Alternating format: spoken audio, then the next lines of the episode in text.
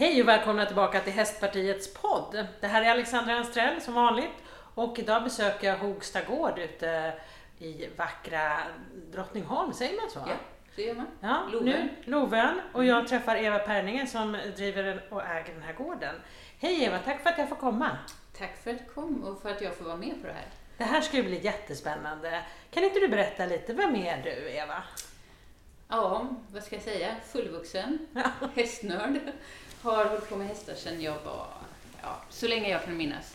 Det har varit min passion egentligen. Eh, min första häst var en travhäst på landet.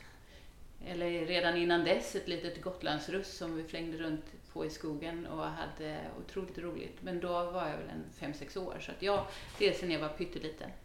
Min första anställning bland häst var som hästskötare. Sen har jag jobbat som ridlärare. Jag har tillsammans med min man drivit eh, både inackorderingsverksamhet och eh, en eh, gård där vi hade lite uppfödning. Ehm, jag har nog alltid ridit dressyr, även om jag i början när jag jobbade på ridskola var tvungen att hoppa. För mig var det lite tvungen. Då var man ju ung och inte då var man ju ung och orädd, så att det var ju inte för att man inte, inte för att man tyckte det var otäckt, utan bara för att jag inte riktigt fattade, jag fick inte kicken. Medan jag fick kicken utav att rida dressyr och känna den upplevelse som det kunde ge. Jag har tävlat upp till svår klass. Och sen har jag också gått över till att driva en ridsportbutik sedan 93. Och den är fortfarande under väldigt stor utveckling. Otroligt spännande att jobba Mm. med. Och där har du både eh, ridsportsaker och foder. Ja, stämmer Ja. bra. Men det är bara hästar, inte några andra djur?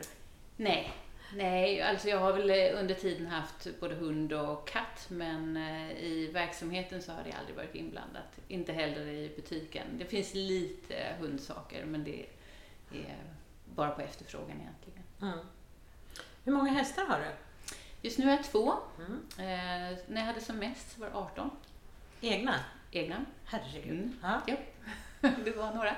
Naturligtvis har man då något sto eller två ston och så blir det några till och så till slut så är det ganska många. Eh, Så totalt sett så har jag haft väldigt många hästar men eh, samtidigt så var 18 nog maxtalet. Då. Vad har du för hästar idag? Idag har jag två stycken eh, halvpensionärer. Båda har faktiskt skador som gör att jag inte rider längre. Men det är väl också så att eh, jag har förlikat mig med det. De är fantastiska individer som jag behåller ändå.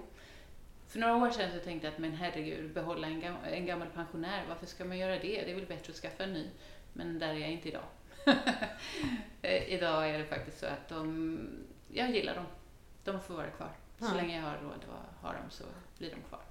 Men du rider dem inte alls? Nej, den ena är ganska nyskadad eh, och med lite tur så kan det bli så att han kan få bli lite, lite promenadriden och lite joggad på i ridhuset. Och han är så otroligt fin att rida. Han är idag 21 år.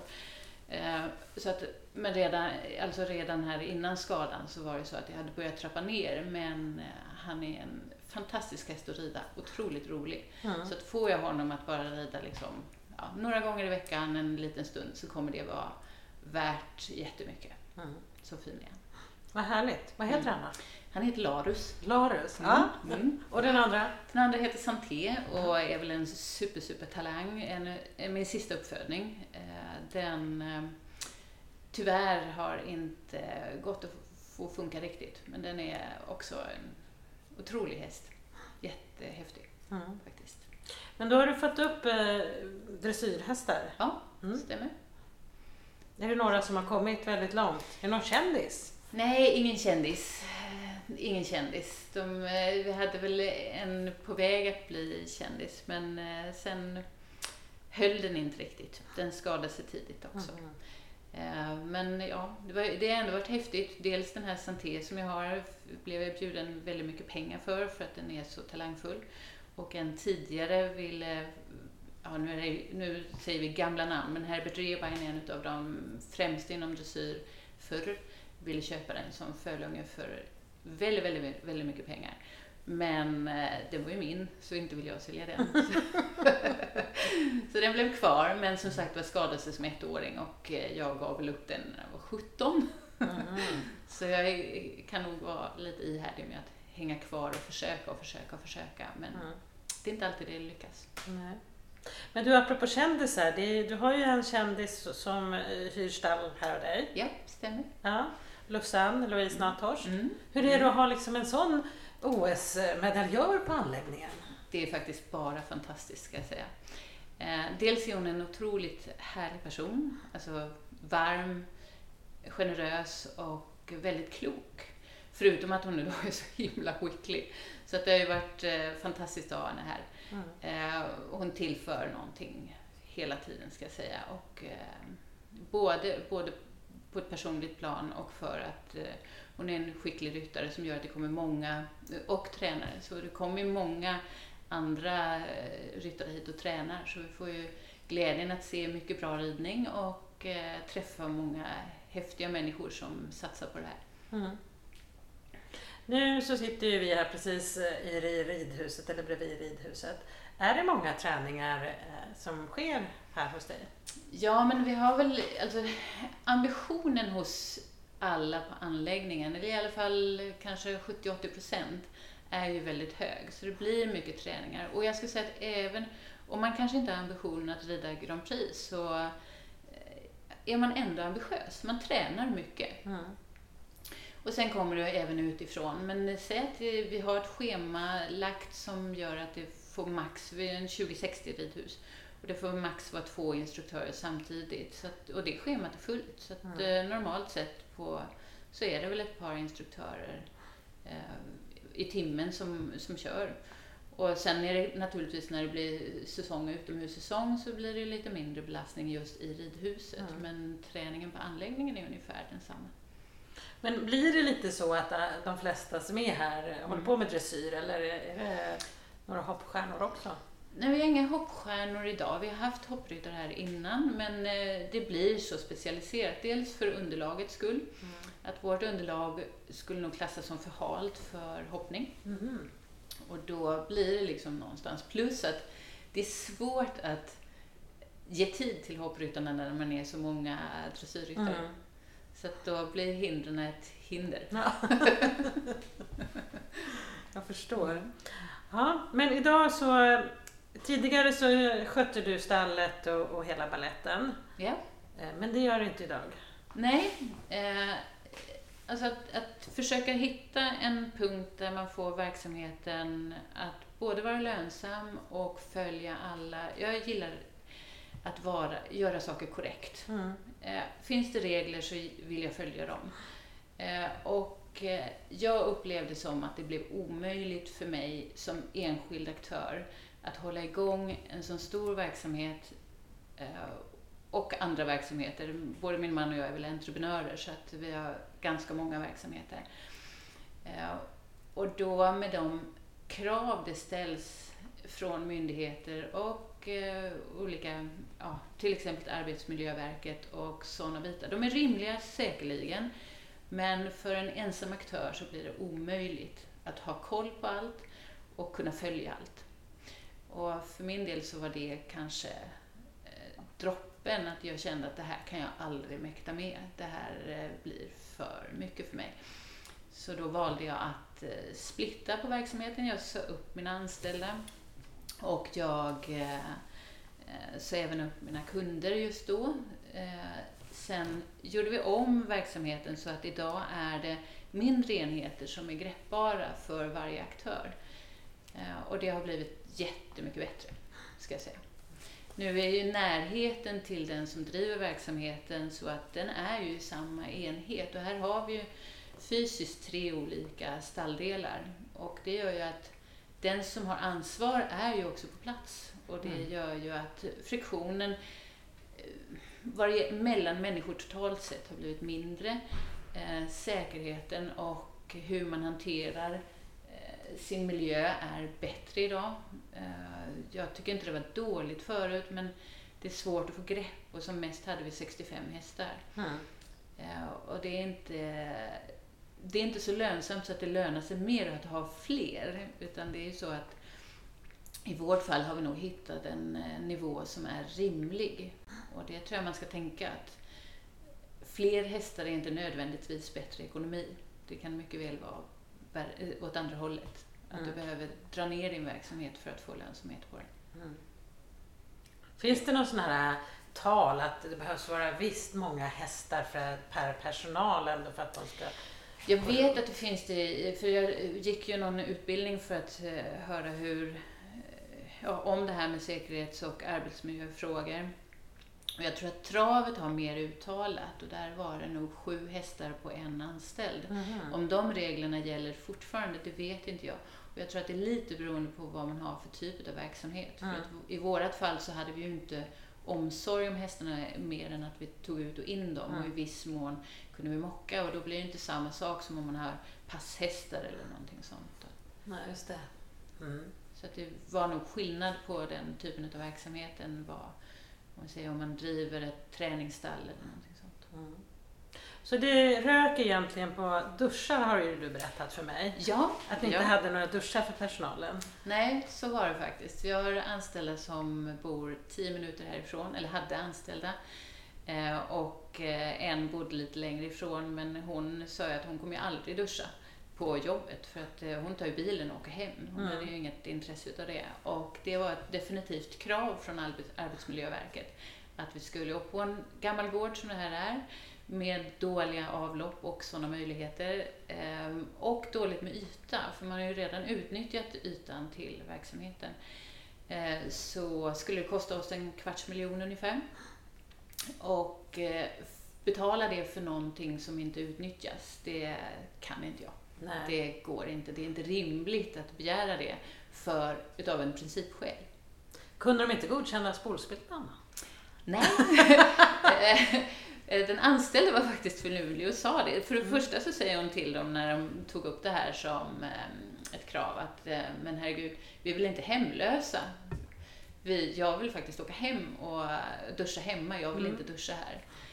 Och skulle, ja då, då tror jag att den här mannen sa att ja men det finns krissituationer när man blir så smutsig. Ja men då finns det en spolspilta, säger hon då. Ja. och hon var rätt, ja, rätt cool så. Men eh, nej, det var inte godkänt. Tråkigt. ja. Men jag tänker, det är ju ganska vanligt ändå inom hästnäringen på ridskolor. Det finns mm. liksom, ja, man får vara glad om det finns en toa. Liksom. Ja, ja. Och jämför man då det med andra sporter, jag vet mm. inte, jag kan ta fotboll som mm. exempel, mm. att det ska finnas omklädningsrum och mm. duschar och, och mm. hela baletten. Tror du att det finns liksom en eh, skild syn på de här sporterna? Nej, men jag tror så att i, i vårt fall så blir det väl kanske mer så att det är inte alltid vi blir så svettiga så att vi känner att vi har ett behov av att gå till och duscha. Men däremot så kan väl all, allmänheten tycka att det är väldigt störande om vi kommer och luktar häst. Mm. Eh, sen har vi ju omklädningsrum så att man kan byta om och jag tror att den svett eller den, den hästlukt man för med sig om man har rena kläder är nog inte så himla illa. Nej. Men, eh, och det ja, eh, när vi, när vi träningsrider, men det är ju in, inte så ofta i vårt fall, med den verksamheten vi hade, så var det inte så att den anställde blev svettig av arbetet. Nej. Utan det kan ju möjligtvis vara att våra kunder då eh, tränar hårt så att de blir svettiga, eller en själv som, som red, men det fanns ingen ridning i, i det jobbet. Men det är fortfarande inte så att någon av mina kunder har ställt kravet att vi ska skaffa duschar för att de känner att de vill hellre duscha här innan de sätter sig i bilen. Det Nej. har aldrig hänt egentligen. Nej, jag förstår det. Jag vill också duscha hemma. Ja. Med mina rena kläder sen. Ja, men faktiskt. Ja, faktiskt. Precis. Så det blev väl en sån där issue. Men det var väl kanske andra saker också som spelade ja. roll med eh, säkerhetsklassningen och vilket ansvar man har som anställd. Ja. Eller som, som eh, arbetsgivare. Eh, och jag vet ju att eh, som arbetsgivare ska du förstå allt som kan tänkas hända. Och jag hade ett exempel med en anställd som körde traktorn och eh, vi böt traktor. Mm. Och av någon anledning så trodde han att den här större och tyngre traktorn skulle kunna köra in på våra loft som inte tålde den lilla traktorn ens en gång. Mm. Så att jag var nere i stallet och hör hur det börjar dundra uppe på, Oj. ovanför mig, alltså på loftet. Eh, så jag springer upp och där har han kört in vår nya traktor. Och det var ju inte traktorn jag var rädd för, utan det var ju så att jag var rädd okay. att den skulle trilla ja. ner i stallet där vi hade hästarna. Så tack och lov så sjönk taket något. Men då kom ju också insikten att om, om jag som arbetsgivare har det ansvaret att räkna ut allt man kan tänkas göra, det är inte möjligt. Nej. För det där hade jag aldrig kunnat tänka ut, att någon kunde komma på en sån sak. Och ja, det är mitt ansvar. Det är mitt ansvar att se till att jag kan räkna ut allt galet som kan tänkas göras mm. och det kände jag att det klarar inte jag. Nej. Det var en, en ytterligare detalj. Så det finns ju lite så här i hela den här arbetsmiljölagen som gör att den enskilda, i, i hästverksamhet så är ju oftast man en ensam aktör som inte ens haft tid att sätta sig in i alla regler som mm. gäller. Och ja, det, det är ett stort ansvar. Så ehm, jag vet inte riktigt. Jag, jag kan, skulle ju kunna tycka att det hade inte varit dumt om ert parti till exempel tog en sån fråga att eh, hur, hur skulle man kunna göra det här enklare? Finns det något som man kan ge stöd för eh, till arbetsgivarna? För att vi har det tufft att försöka ens förstå allt vi ska ta ansvar för. Just det. Och olika direktiv från olika myndigheter. Ja, ja, och... ja. Mm. ja. ja, för det handlar ju inte bara om arbetsmiljöfrågor. Sen kommer vi till till eh, ja, storlek på hagar och Länsstyrelsens krav. Och det är mm. otroligt mycket mm. sånt. Vilket de flesta är väldigt relevanta. Så det är absolut inte så att man säger att regler inte ska finnas. Jag gillar regler. Mm. Men, eh, men det måste vara rimligt mm. och möjligt. Mm. Och framförallt att man får information om dem och hur man ja. ska ja göra. Ja. ja, vad härligt. Men du, det verkar ju vara så att du har väldigt många järn i elden ja. med den här gården och så har du ridsportsbutiken. Vad är det bästa med att driva företag? Ja, jag tror att för min del är det ju utveckling, eh, att förbättra saker, att eh, se att, att man kan påverka och göra annorlunda. Fungerar det inte på ett sätt så kan man göra det på något annat sätt. Eh, och just när, jag tror att det är väl därför jag kanske också fastnade för dressyrridningen, att man gör små förändringar hela tiden eh, och eh, det ger utveckling. Mm. Och som egen företagare så är det ju ingen annan du behöver gå till med dina idéer utan du får ju låta dem mogna hos dig själv mm. och sen så småningom försöka applicera det och få med dig dina medarbetare på istället. Det hade ju varit trögt att arbeta fram en plan som sen någon säger nej till. Mm. Jag kanske säger nej till mina egna idéer, men då har jag liksom processat dem och insett att nej, men det, här, det här kommer aldrig gå i lås, eller det här tror jag verkligen på. Men att, att ha en då som talar om att jag kommer med en idé som säger att det här, det här blir grejen. Och så har min, eh, om jag då skulle ha en chef som då säger att nej men det där, det där passar inte oss. Då, då har jag lagt ner all mitt engagemang och min, min energi i någonting som någon annan har makten över att säga att nej men det där, ja. det där blir aldrig av. Så jag tror att det är en av grejerna för mig att vara egen. Mm. Att jag har hela tiden idéer och en del blir av, en del blir inte av. Ja. Men har du sprungit iväg då på någon idé som faktiskt inte blev så bra? Jag är ganska försiktig. Eh, jag har nog mer galna idéer än jag genomför, eh, faktiskt. Ehm, men eh, jag kan inte komma på liksom så här, jättedåligt, men det finns säkert sånt som mm. andra skulle kunna påminna mig om, men jag har dåligt minne på det. det är bra. men då tänker jag, Eh, har du någon som du kan bolla idéer med? Har du någon, eh, jag tänker i dressyren så har man ju sin tränare som ja. påpekar alla de här små förändringarna. Ja, alltså inom ridningen så har ju Lussan varit fantastisk och det har ju gett otroligt mycket. Um, och sen vad det gäller inom företagen så är min man också en entreprenör så det har ju varit en del. Och sen har jag även på sista åren sen jag startade ridsportbutiken och kände att det här vill jag göra något riktigt utav så har jag tagit hjälp av Almi. Mm. Och där har jag gått en del utav deras utbildningar.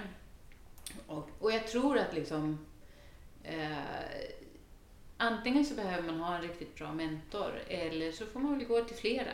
Mm. Men jag tror absolut att bolla med andra som sitter, besitter högre kompetens än en själv är, mm. är också jätteviktigt. Mm. Uh, och då har jag väl liksom, jag tror att jag har varit tillräckligt öppen för att uh, fråga. Om det är någon som jag ser har gjort ett jäkligt bra jobb med någonting så blir det så här, ja men hur gjorde du då? Mm. Vad kan jag ta med till mig? Mm. Kan jag applicera det här och bli mer sporrad utav möjligheten än, än att jag blir sänkt utav att det är för stort. Jag tänker att jag gör en liten bit i taget, precis som med dressyrridningen. Mm. Tar jag ett steg i taget så, så kommer det finnas utveckling. Och om jag skulle tänka att man skulle göra stora steg, då krävs det investering och då en större investering än vad man redan har gjort i tid och pengar. Och då kommer också ett helt annan riskfaktor. Mm. Gör man ett steg i taget så blir risken sällan jättestor. Men ska man ta tio steg på ett eh, en gång, ja men då kanske inte bron håller utan då kanske man trillar av. Mm. Eh, lite så. Så jag tror att det har varit en av mina bitar. Då vågar jag. Är du mentor till någon idag? Nej, nej, det ska jag inte säga att det är. Nej. Jag får frågor om verksamheten. Det, det har blivit lite så på sistone att det har ringt andra entreprenörer och frågat om eh, hur gjorde ni, hur tänkte mm. ni? På samma sätt som jag frågar andra, eller har frågat andra mm. om det hela tiden. Så det har dykt upp eh, i helt andra branscher, helt andra... Mm, vad roligt! Ja, av någon anledning så har de nämnt ja, men, eh, att Hogstad och Eva har gjort en bit i det här. Du kan fråga henne och sådär. Mm.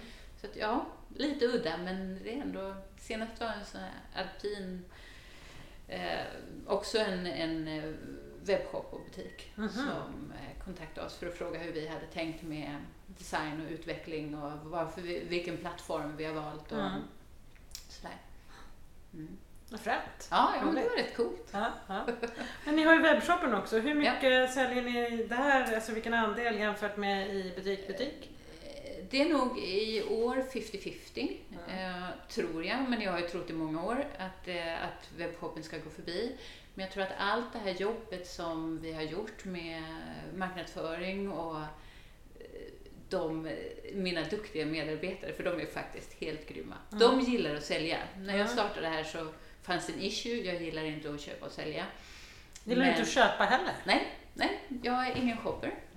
Um, jag var Ändå är du hästmänniska. Ja, jag vet, jag vet. Men jag tror att alla pengar som fanns gick bara till hästarna. Mm. Så det blev inte så mycket över. Och min uppväxt har varit ganska resurssnål. Mm. Ska jag säga. Så att eh, det har ju gjort att eh, jag har varit väldigt, väldigt medveten om att eh, pengar är jäkligt svårt att få, men jäkligt snabbt att göra av med. Så jag har varit försiktig i mina eh, inköp totalt sett och eh, är det fortfarande. Blir lite modigare med tiden för att man inser att nu, ju mer man omsätter desto större pengar roterar. Mm. Så, men, eh, men också en bit i att liksom, gapar man inte efter allt för mycket då tar man också mindre risk. Mm. För att eh, köper du in extremt stora mängder så måste du på något sätt göra av med dem. Eh, och eh, det är svårt att värdera hur stor branschen är. Mm. Och om det blir rätt saker, alltså köper du in ja. saker som du själv gillar eller hur ska man veta vad människor vill ha? Ja, den är svår. Ja. Um, jag, jag utgår ifrån eh, min eg, mitt egna val som är ganska klassiskt. Mm. Och det är ganska clean så att det blir inte så här Ja, det blir ganska försiktigt även där. Eh, men det är också sånt som man ser inom dressyrridning, den är ganska klassisk. Mm. Det är inte så mycket, ja det kommer lite glitter och sånt, absolut. Men det finns alltid en bas som mm. är ganska ja, nedtonad. Mm. Och sen tar vi in lite sådana här saker som vi chansar på och säger ja men det här tror vi att någon gillar. Mm. Eh, så att man eh, går i sin yttre periferi men det är sällan sådana här extrema saker utan mm. ganska klassiskt, stilrent. Mm. Men där här, jag såg att ni hade en monter med smycken. Har allt från mm. Eh, schabrak till smycken liksom. Ja, ja, och det har också varit lite så här att på något sätt så vill jag att Hogstad Ridsport ska kunna serva all, Inom allt nästan. Så det är därför du, du, kan köpa ditt hästfoder hos oss, du kan köpa din uh, utrustning, du kan köpa alla möjliga tillskott. Sjukvård, vår sjukvårdsavdelning vad det gäller bandagering och sånt där, mm. den är bättre än apotekets. Vi kan, mm. Du kan nästan inte mediciner och sånt naturligtvis, men bandagematerial och så, så har vi nog allt du behöver för att göra riktiga bandageomläggningar. Mm. Och, eh, det har blivit liksom en sån självklar sak här. I och med att vi har ett stort stall så mm. måste man ju ha en sån del. Mm. Och sen är det borstar och ja, det är allt från allt du behöver. Mm. Jag tycker inte, jag har själv inte behövt gå någon annanstans och handla eh, på många år. Gud, skönt. Ja, ja det kanske ska startas en butik. Eller hur? kanske en filial i Haninge. Ja. ja, vad härligt. Ja, det finns eh, mycket roliga saker och eh, du nämnde tidigare det här med ambition, att många som rider och tränar här på din anläggning, de har höga ambitioner, mm. de har ambitioner. Mm. Jag vet att du har funderat en hel del kring det här med ambition. Ja. Kan du berätta? Ja, alltså dels är det så här att vi är många som strävar. Jag har själv strävat eh, och har en hög ambition fast jag åter här är lite försiktig skulle jag säga. Jag har, inte, jag har inte varit någon tävlingsmänniska som har blivit driven av att tävla men jag gillar ju utveckling och förbättring och min ambition har alltid varit att göra mitt bästa. Eh, och ibland räcker ju inte det och det har ju stört mig ganska mycket. Men det är också så, är det, har det då varit tanken på att är det ambitionen som varit fel eller är det förutsättningarna som är fel? Vad ligger hos, jag, menar, jag hade den bästa hovslagaren, fortfarande den bästa hovslagaren. Eh, valde den veterinär jag tyckte var absolut bäst. Superfina hästar. Bästa tränaren ever. Jag tyckte alla, allting, allting fanns plats och ändå lyckades jag inte riktigt så som jag hade tänkt mig, eller om jag ens hade tänkt mig det. Mm. Men då blev den här ambitionsfrågan väldigt, väldigt stor hos mig. Att liksom, vad skiljer den som lyckas på riktigt och den som strävar och gör bra ifrån sig men ändå inte riktigt når hela vägen fram. Och eh, jag hade ju, jag tror att jag är hyfsat modig så att vid en, en tid när det här kretsade väldigt mycket i mina tankar så pratade jag med Lussan som pratade om eh, Kjell Enhager som är en fantastisk eh, inspiratör och coach. Så då gick jag på en sån föreläsning han hade. En ganska stor sådan. Så att eh, det var i samband med någonting annat, något annat evenemang och, som jag har glömt, men han minns jag väldigt väl. Och då i paus så ser jag att han står på våran, vårat plan, läktarplan.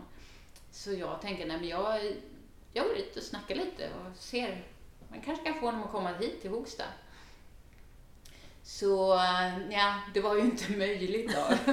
Det fick, gjorde han väldigt klart för mig, men samtidigt så hela hans snack går ju ut på att, ja men, eh, jag vet att det inte är möjligt, men om det vore möjligt, hur skulle du göra då? Så jag sa ju det också till honom, jag vet att det inte är möjligt, men om det. Mm.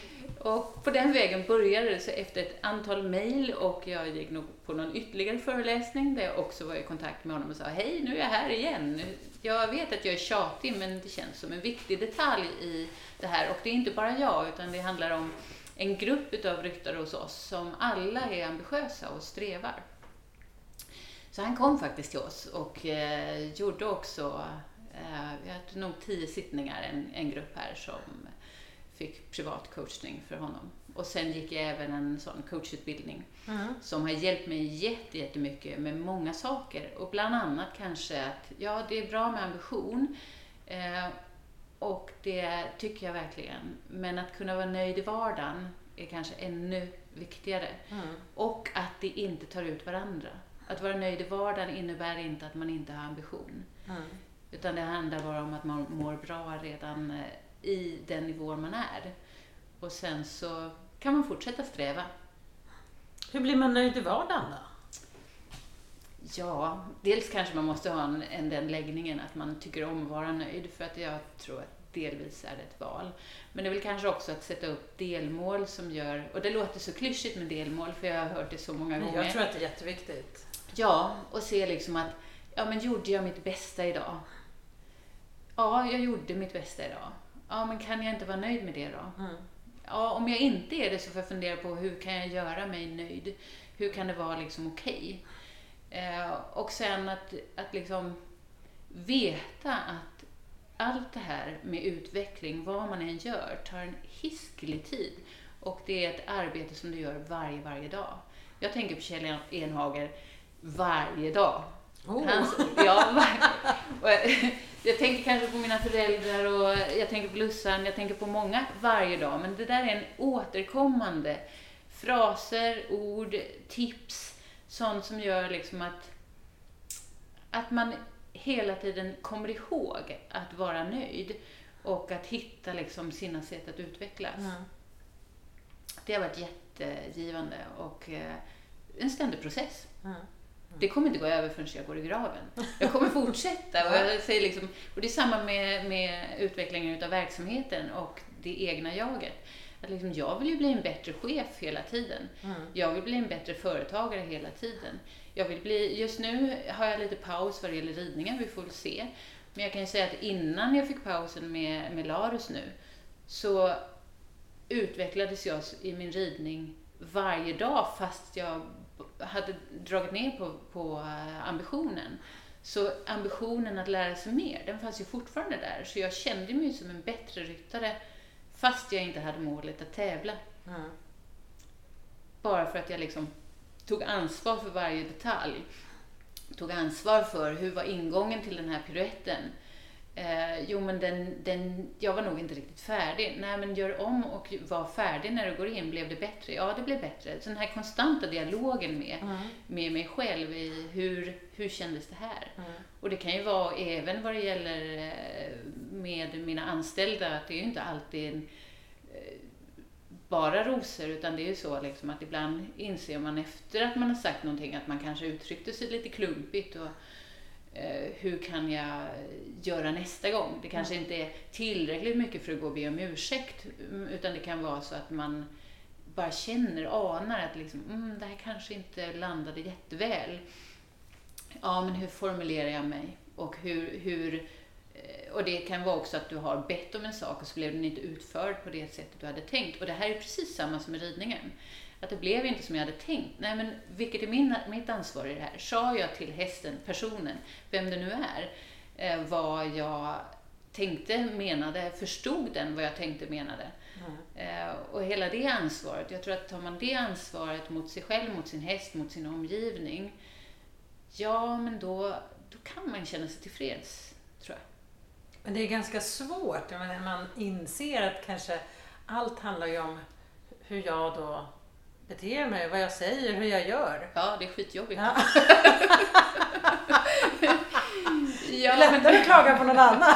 jag, jag kan säga att när jag gick den här coachutbildningen för eh, coach to coach, då kändes det som att jag hade fått en ansvarsboll som hela tiden ans äh, landade i mitt knä. Mm. Att vad än som hände så fick jag den här jävla... Och i mitt fall så var den röd av någon anledning. Men jag såg den här jäkla bollen, den låg där i mitt knä och jag försökte kasta den på alla andra, för det måste väl vara någon annans jäkla fel mm. att eh, det blev som det blev. Men den här bollen, den hamnade i knät i alla fall. Och så blev det så okej, okay, ja, någon kanske var dum eller någon kanske borde ha gjort annorlunda. Men hur gjorde jag för att det skulle bli så? Mm. Var liksom min approach den rätta? hur såg jag ut? Jag är lite så här argutseende, vilket kan vara... Jo, jo jag, jag läste... Vi ska ta en bild sen så att de som lyssnar får se.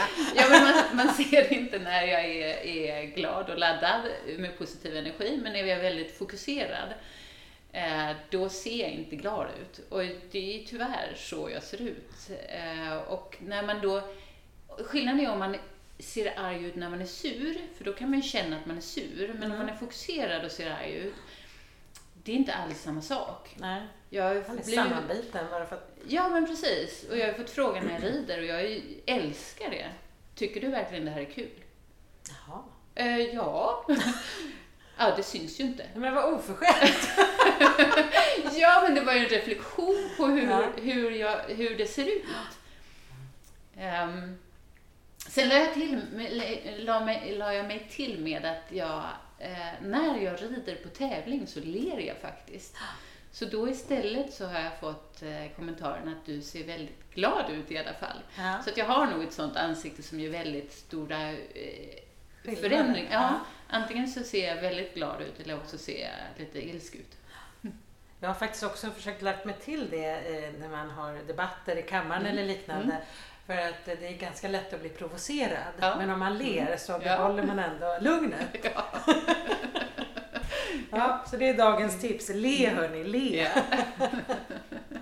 Men om du skulle bara ge ett tips till de som lyssnar på hur man ska eh, vara nöjd i sin vardag. Kan du ge något bra tips då? Acceptera. Mm. Eh, acceptera det som händer omkring en, acceptera den man är. Eh, acceptera vem de andra är. Ehm, på något sätt. Man behöver inte acceptera allt som händer och sker, det menar jag verkligen inte. Men det är också en sån här gammalt, gammalt ordspråk om att eh, acceptera det du inte kan ändra på och gör något åt det du kan. Mm. Ja. Gör någonting åt det du kan. Ja. ja det var ett jättebra tips. Ja. Ja, men jag tror att det, det blev en sån här, till slut, det det landade i efter den här coachutbildningen och efter allting, att liksom Ja, man blir nog inte nöjd om man hela tiden försöker hitta fel hos andra eller sig själv eller för mig, jag kommer aldrig se ut som jag skulle vilja. Eh, jag kommer aldrig eh, Ja, det är klart man kan operera sig, men nej, men det finns saker som jag aldrig kommer, kommer eh, kunna göra. Eh, och det finns saker som jag kan absolut bli mitt bästa jag i. Mm. Och mitt bästa jag skulle innebära att jag hade haft eh, tajmingen också. Att vara på topp som ryttare, ha, min, ha en häst som var på topp just då, att tidpunkten var rätt. Ja, då, då kanske det hade sett annorlunda ut. Men jag har haft skitkul på resan. Jag har haft ja, varje dag att gå ner och få ha sina hästar att rida på, det är helt fantastiskt. Mm. Och jag hoppas, det finns ju lite verksamheter som bygger på nu att den terapeutiska delen i, mm. i ridningen och jag hoppas verkligen att de ska, eller häst, närheten till häst, jag hoppas att det ska kunna funka. Att, att jag tror att vi klarar oss ganska mycket bättre från psykisk ohälsa, vi som får hålla på med dessa fantastiska djur. Mm. Det tycker jag är... Ja. Så då, egentligen borde vi ha bättre förutsättningar än alla andra att acceptera saker. Ja. vi blir ju oftast accepterade av dessa djur. Ja. Det spelar ingen roll. Och de är ju häftiga, för det kan ju vara att man mår dåligt en dag och så kommer man till stallet och så är de bara på ett annorlunda sätt för att ta hand om en. Ja. Eller en av mina hingstar jag hade som, han kom jag ner och var inte tillräckligt uppmärksam utan lite så off och lite avstängd för att jag hade något att tänka på. Då kunde han trigga en tills man var tvungen att säga åt honom för att han var lite fräck. Han kunde ja, var lite halv elak ibland. Mm. Men eh, det var han ju bara vid sådana tillfällen, vad det gäller mig i alla fall. Mm. Han ville bara säga att hallå, jag är här. Yep.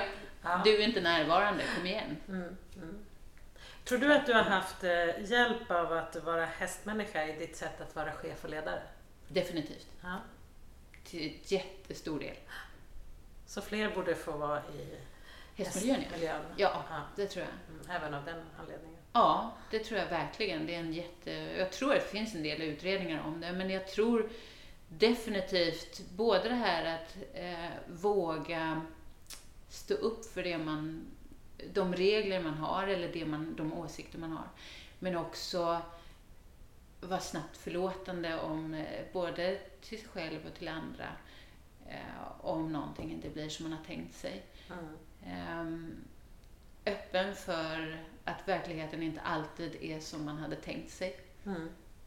Så att ja, jag tror att det är många, många fler pusselbitar i hästhantering och häst varandet som man kan ha med sig i livet totalt sett. Mm. Och absolut som chef. Sen kanske min, mina anställda får... Egentligen... ta dem i nästa podd. Ja, men eller hur. ja, men du har ju hållit på med hästuppfödning, du är ridlärare, mm. hästskötare, du driver hästgård.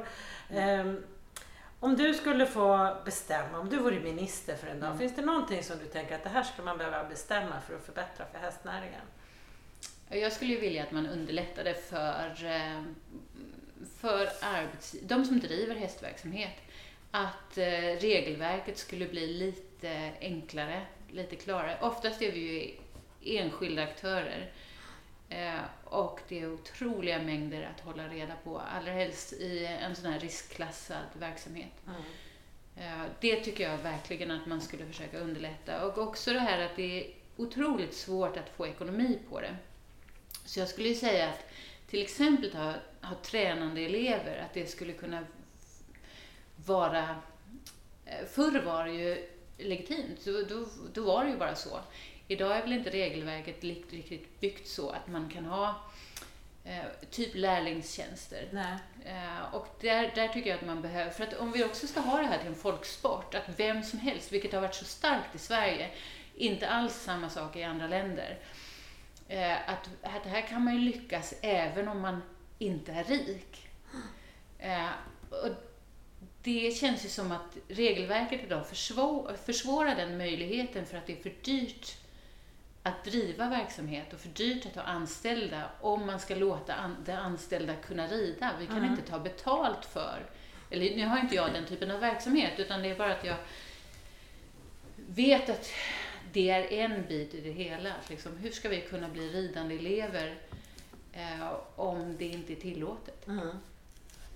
Utan att våra föräldrar måste betala eh, x antal pengar för vår utbildning, men vi kan inte vi borde kunna få jobba av det på ett, eh, på ett riktigt sätt. Mm.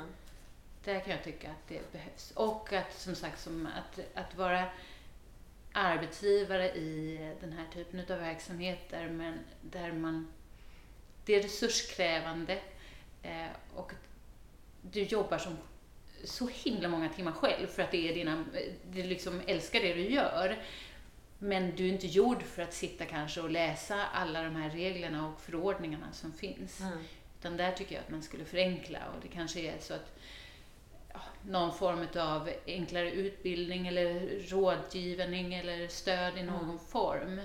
Någon slags, då menar inte jag LRF eller någonting sånt, men någon slags organiserad eh, pool där man kunde få det stödet. Mm. Men nu fick vi många bra förslag här. Ja, vad bra. Ja, då vore det främt om du blev ministerfru. ja, eller hur? ja, du är välkommen in i politiken. Men hörni, ni som lyssnar, vi har fått med oss här att vi ska göra någonting åt det man kan. Och vi ska försöka underlätta regelverket. Och massor av annat. Så jag får tacka för att jag fick komma hit. Mm, det var jättekul. Nu ska vi gå en sväng här på, på gården. Ja. Det ska bli jätteroligt. Och ni som lyssnar, nästa vecka blir det ett nytt spännande avsnitt av Hästpartiets podd. Tack för idag!